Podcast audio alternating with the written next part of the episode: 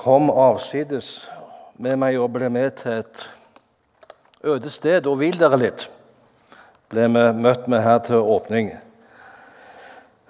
Jesus han eh, gikk avsides for sin egen del mange ganger. Han tok eh, disiplene med til et øde sted for at de skulle få være sammen med han til hvile.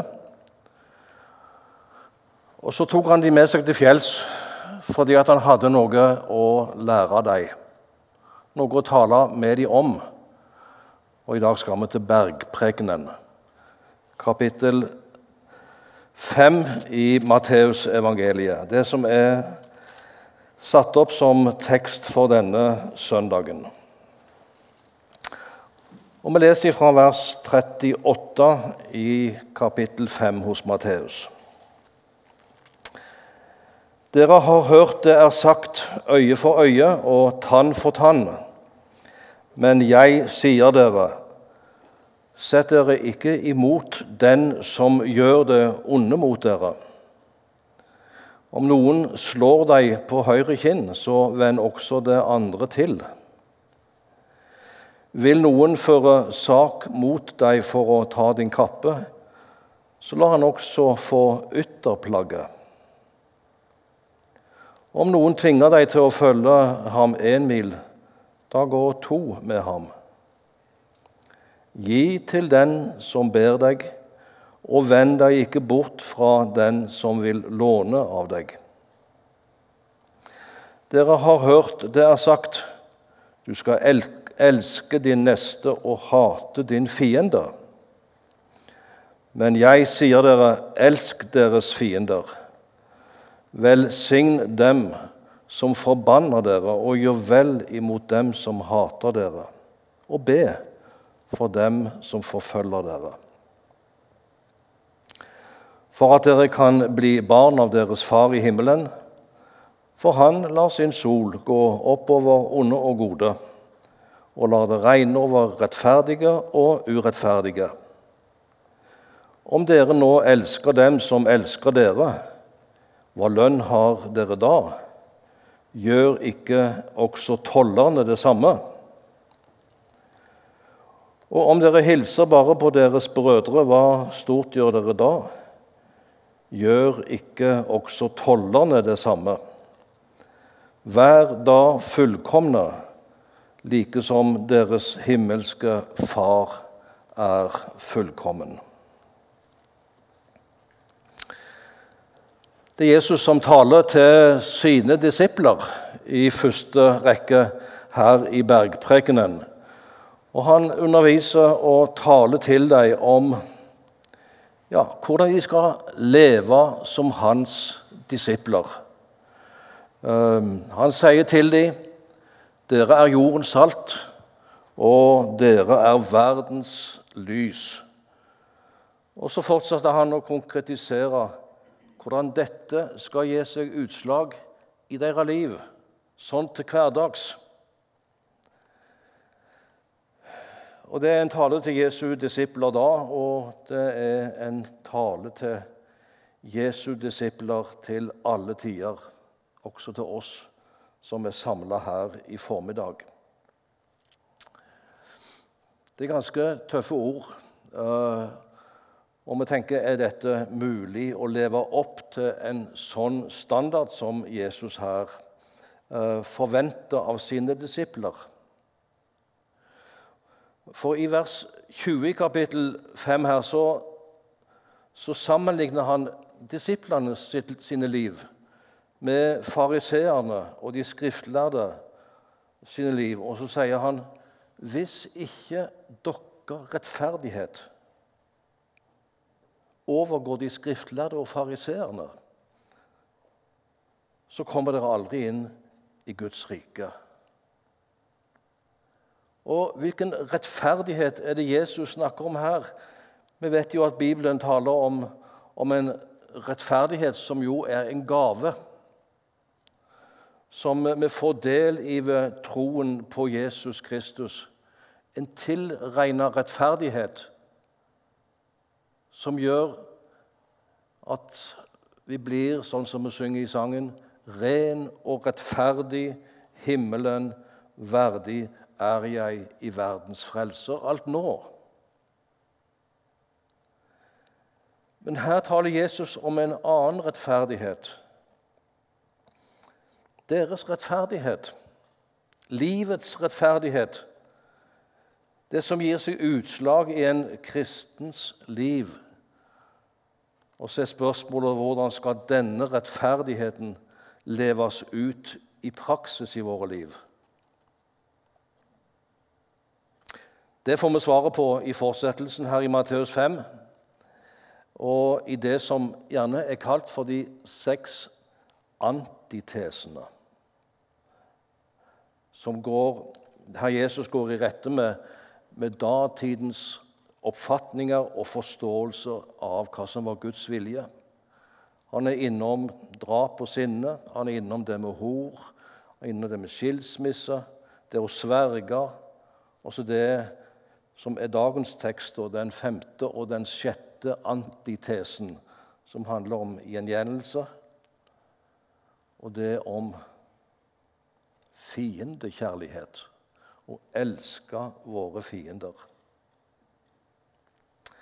Og Disse såkalte antitesene de, de begynner jo med at Jesus sier dere har hørt at det er sagt, men jeg sier dere.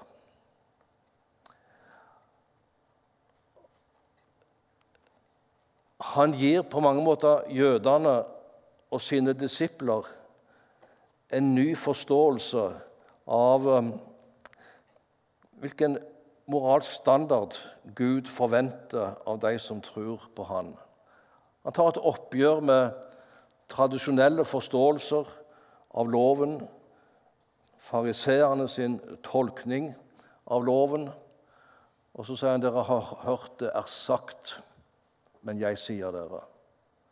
Det er ikke sånn at Jesus avskriver loven.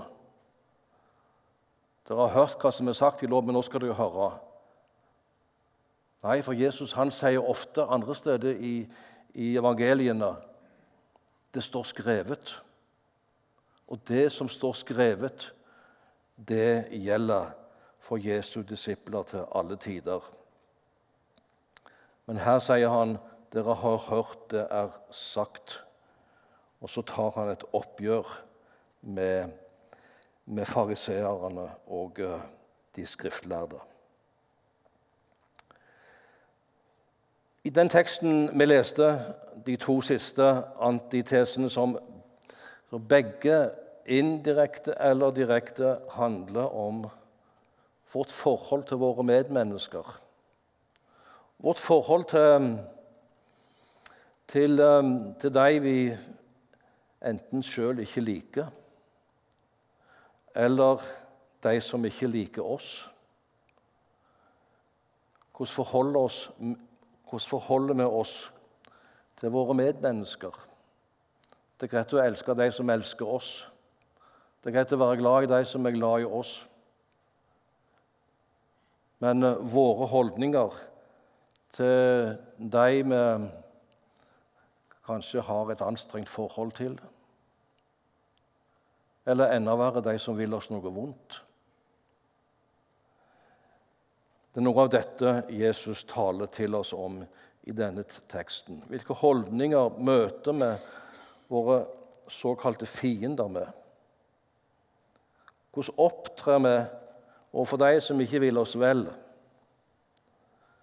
Og så vil Jesus lære disiplene den gang og oss i dag om en holdning som handler om total kjærlighet til de som gjør oss vondt og overfor de som eh, er våre fiender. Hvordan er det mulig? Jeg har satt som en overskrift i dag å velge kjærlighetens vei, men, men hvordan er det mulig uh, å leve opp til en sånn standard? Da har jeg bare lyst til å begynne med å si at Jesus er sjøl det beste eksempelet på denne holdning og denne kjærlighet uh, til deg som ville han vondt. Uh, vi husker hvordan Jesus møtte Judas i Getsemanehagen. Judas som forrådte sin mester med et kyss. Og så møter Jesus han med 'Venn, hvorfor er du her?' Så blir Jesus bundet og tatt til fange uten å gjøre motstand. Peter han syns ikke det er så greit. Han tar sverdet og ville forsvare Jesus, men Jesus irettesetter han og ba han stikke sverdet tilbake i, i slira. Og han helbreder enda til den såra soldaten som Peter hadde hogd øra av. eller hvordan Jesus ba for de som korsfesta han. Far, forlat dem, for de vet ikke hva de gjør. Og Så sier Peter senere i sitt uh, første brev Han hadde lært noe da om Jesus. Han som ikke skjelte igjen når han ble utskjelt og ikke trua når han led, men overlot det til ham som dømmer rettferdig. Slik var Jesus. Slik er han overfor alle mennesker. I Romerne 5 så står det at han døde for oss mens vi ennå var fiender. Vi vet at Da synda kom inn i verden, førte det til at mennesket vendte Gud ryggen. Og Det ble på en måte et fiendskap mellom Gud og menneske. Men i sin kjærlighet så sendte Gud sin sønn for å sone all vår synd, drepe fiendskapet og gjøre det mulig for oss å få fred med Gud. Ja, slik var Jesus, men eh, jeg kan da umulig leve opp til den samme kjærligheten, sier du kanskje, og det, det er sant. For det er umulig. Det er umulig for oss å makte i oss sjøl, i egen kraft. Men før jeg sier litt mer om det, så, så la oss se litt på hva, hva Jesus mente med å si at vi skal ikke sette oss imot den som gjør oss vondt. Han kan da ikke mene at vi, vi bare skal godta den urett som blir gjort imot oss, uten å sette oss imot den. Vi kan vel ikke være dumsnille og la oss tråkke på uten å ta til motmæle. Nei, Jesus han nedlegger ikke her noen forbud mot å håndheve retten, øye for øye og tann for tann det er jo et, et rettsprinsipp som gjelder i rettsstaten. Ethvert menneske må svare for det gale han gjør, og ta straffen for det. Men det skal samfunnet ivareta gjennom rettssystemet. Og det er rettssystemet som skal måle ut straff for den som forbryter seg imot oss. Og så er det som Jesus vil si til at vi skal ikke ta den retten i egne hender. I våre personlige liv skal vi, som er Jesu disipler, på en måte frasi oss all gjengjeldelse i ord og i handling, så vel som enhver fiendtlig holdning.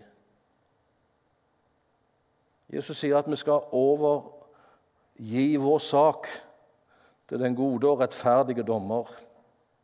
Vi skal ikke søke eller vi skal ikke ønske noen som helst personlig hevn.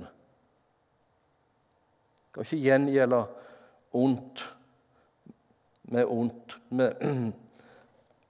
men utholde det og slik overvinne det onde med det gode. Og Når jeg står og sier det, så kjenner jeg at uh, det er lett å si. Det er lett å si, men å ha denne holdning i møte med den som påfører meg noe vondt, det er mye vanskeligere.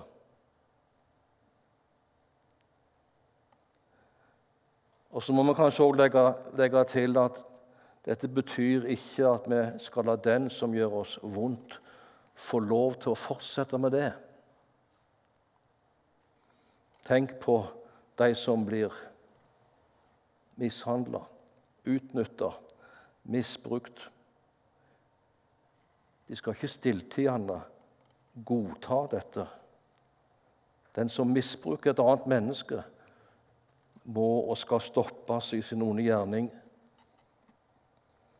Det er ikke uttrykk for noe kristen nestekjærlighet å la noen få fortsette å mishandle. Men vi skal ikke gjengjelde ondt med ondt. Vi skal ikke ta saken i egne hender. Vi skal ikke sjøl ta hevn.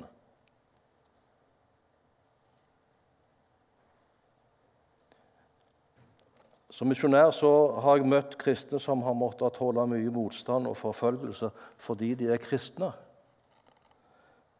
Jeg husker ei ung jente i Kina som fortalte meg hva hun måtte gå igjennom fordi hun bekjente troen på Jesus. Og så la hun til noe som har fulgt meg siden. Hun sa at forfølgelsen mot oss kristne i Kina har blitt en velsignelse både for landet vårt og for oss kristne. Hva mener du? spurte jeg. Jo, sa hun, ingen av oss liker å måtte flykte ifra våre heimer.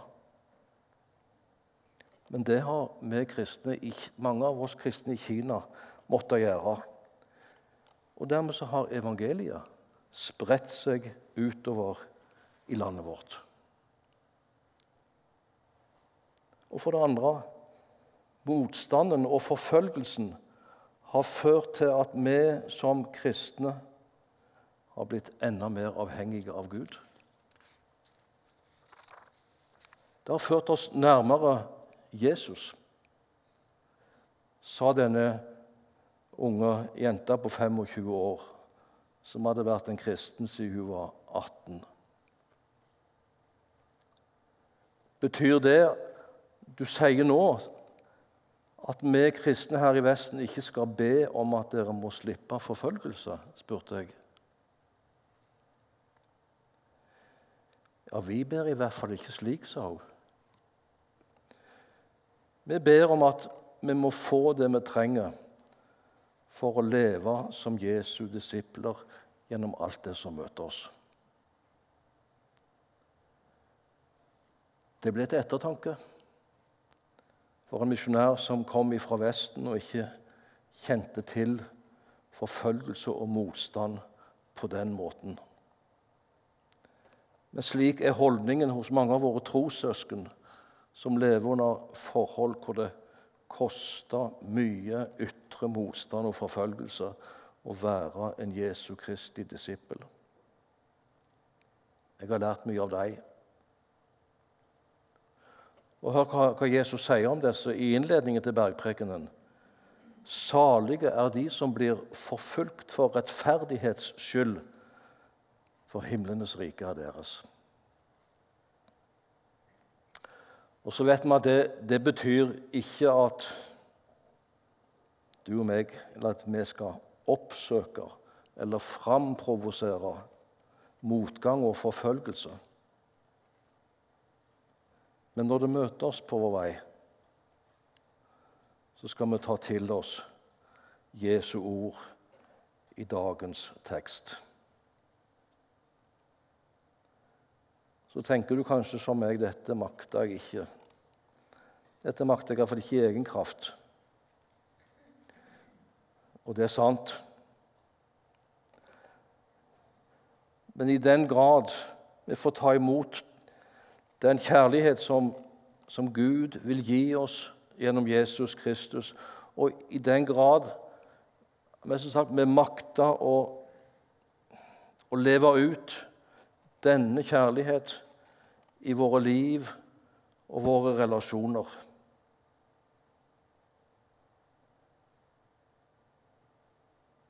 Så kan vi kanskje òg oppleve at når vi møter motgang, motstand, lyst til å gjengjelde, svare tilbake, ta hevn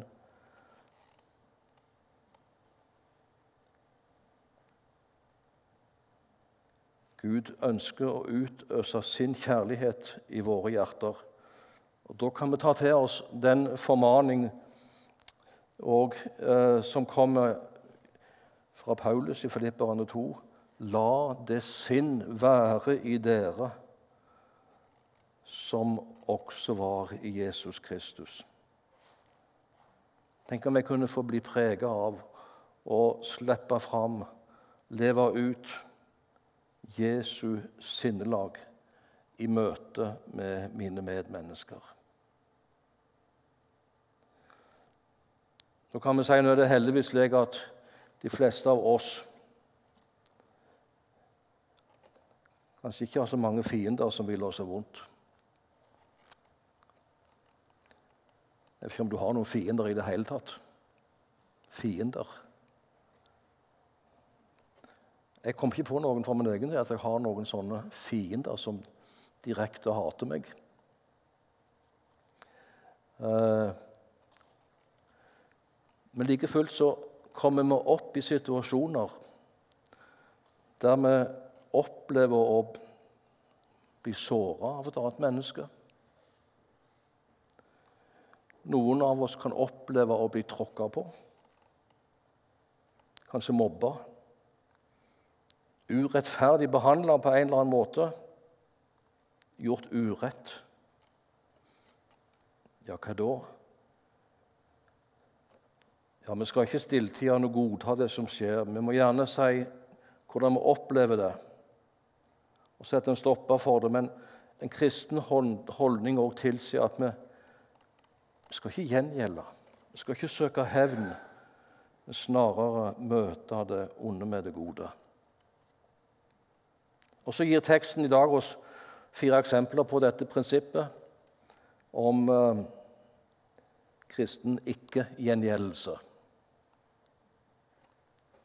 Små bilder fra ulike livssituasjoner. Eh, hvert bilde introduserer en person som søker å påføre oss noe kanskje ikke ønsker, en skade. En gjør det ved å slå oss på kinnet. En annen ved å trekke oss for retten. En tredje ved å tvinge oss til en tjeneste. Og en fjerde ved å tigge oss om penger. Relevante eksempler også kanskje inn i, i vår hverdag.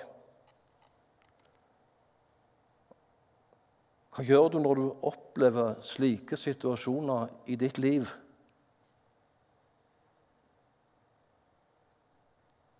Jeg tenker at det er et godt råd til en Jesu disippel kanskje ville være å spørre seg selv hva ville Jesus gjort? Hvordan kan jeg møte denne situasjonen med, med Jesu sinnelag?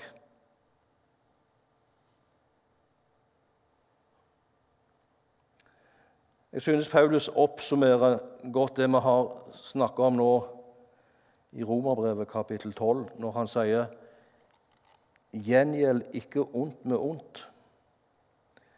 Legg vind på det som godt er for alle menneskers øyne. Om det er mulig, hold fred med alle mennesker så langt det står til dere. Hevn dere ikke selv, mine kjære, men gi rom for vreden.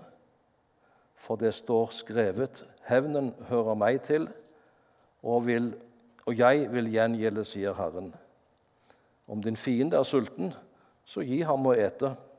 Om han er tørst, så gi ham å drikke. For når du gjør det, så samler du glødende kull på hans hode. La deg ikke overvinne av det onde, men overvinn det onde med det gode. Som passiv ikke-gjengjeldelse. Men så kommer det noe som kanskje er enda mer krevende. Aktiv fiendekjærlighet. Elsk deres fiender. Og da ikke bare som en følelse eller som en tanke eller som en festtale. Nei, fiender og motstandere av kristen tro og tanke skal elskes ved at vi velsigner dem, gjør vel imot dem og ber for dem, sier Jesus. I ord og handling skal våre fiend, motstandere merke at vi som Jesu etterfølgere har en, en annen skal vi våge å si standard, en annen ånd enn hva verden forventer og kan varte opp med.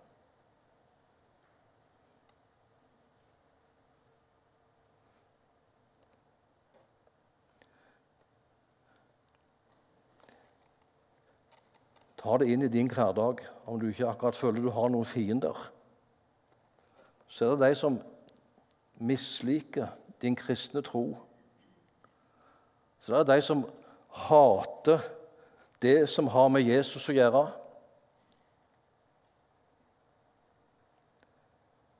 Han eller hun skal ikke vi forbanne. Be for og velsigne.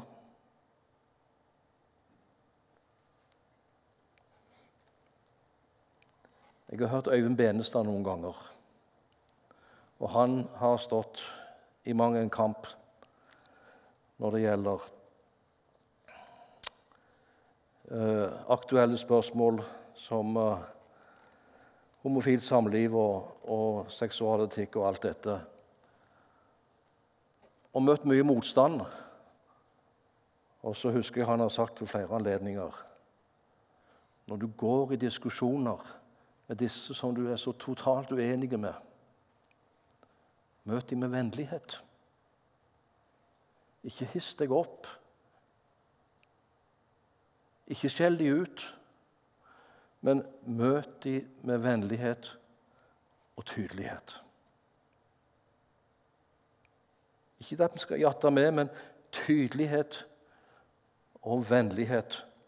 Jeg tror det er noe av det som teksten vår i dag minner oss om.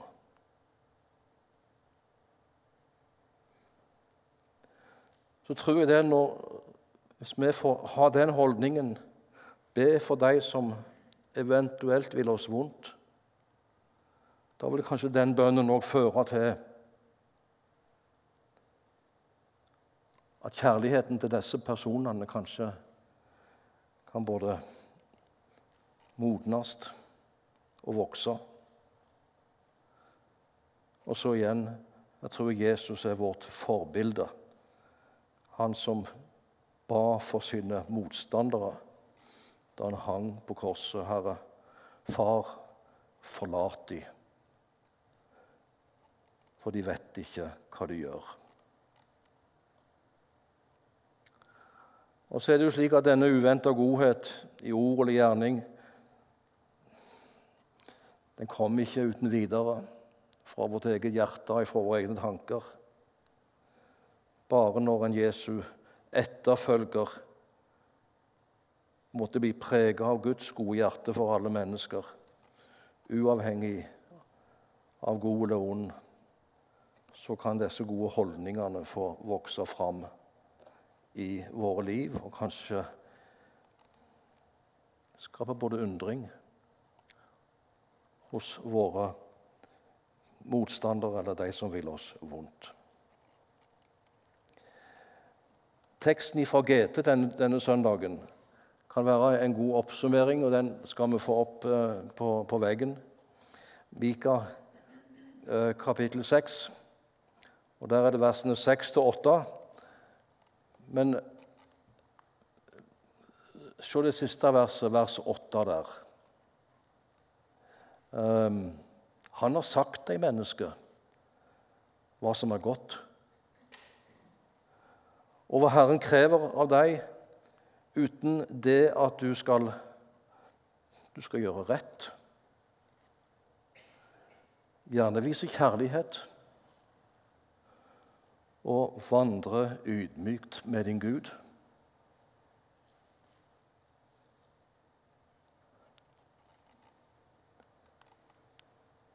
Hva Herren krever av deg. Og så kjenner vi ofte at det makter vi ikke å leve opp til Guds krav i møte med våre medmennesker, slik som vi har møtt i dagens tekst. Vi mis mislykkes uh, så mange ganger. Men nå tenker jeg at å vandre ydmykt med sin Gud Det handler om at vi får komme til Jesus med våre nederlag. Han står de stolte imot, men de ydmyke gir han nåde. Og Guds nåde trenger du og meg daglig. Og Bare når vi lever i nåden, i livssamfunnet med Jesus, og lar Han få prege oss, så kan vi få være det som bergpreika begynte med å si salt og lys i vår hverdag som en Jesu Kristi disippel. Amen.